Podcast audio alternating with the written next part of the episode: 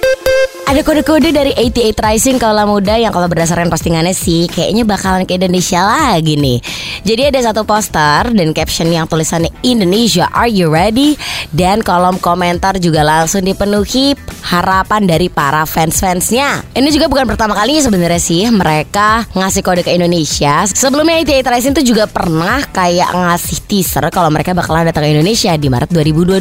Terus pakai hashtag HITC Head in the Clouds Jakarta 2022.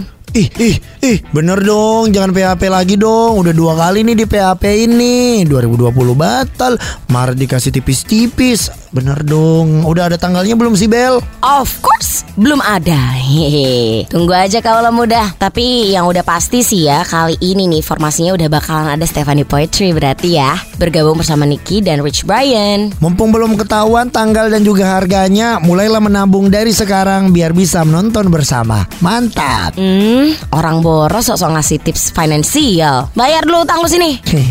Nanti deh habis kelar konsernya aja boleh kan Bel?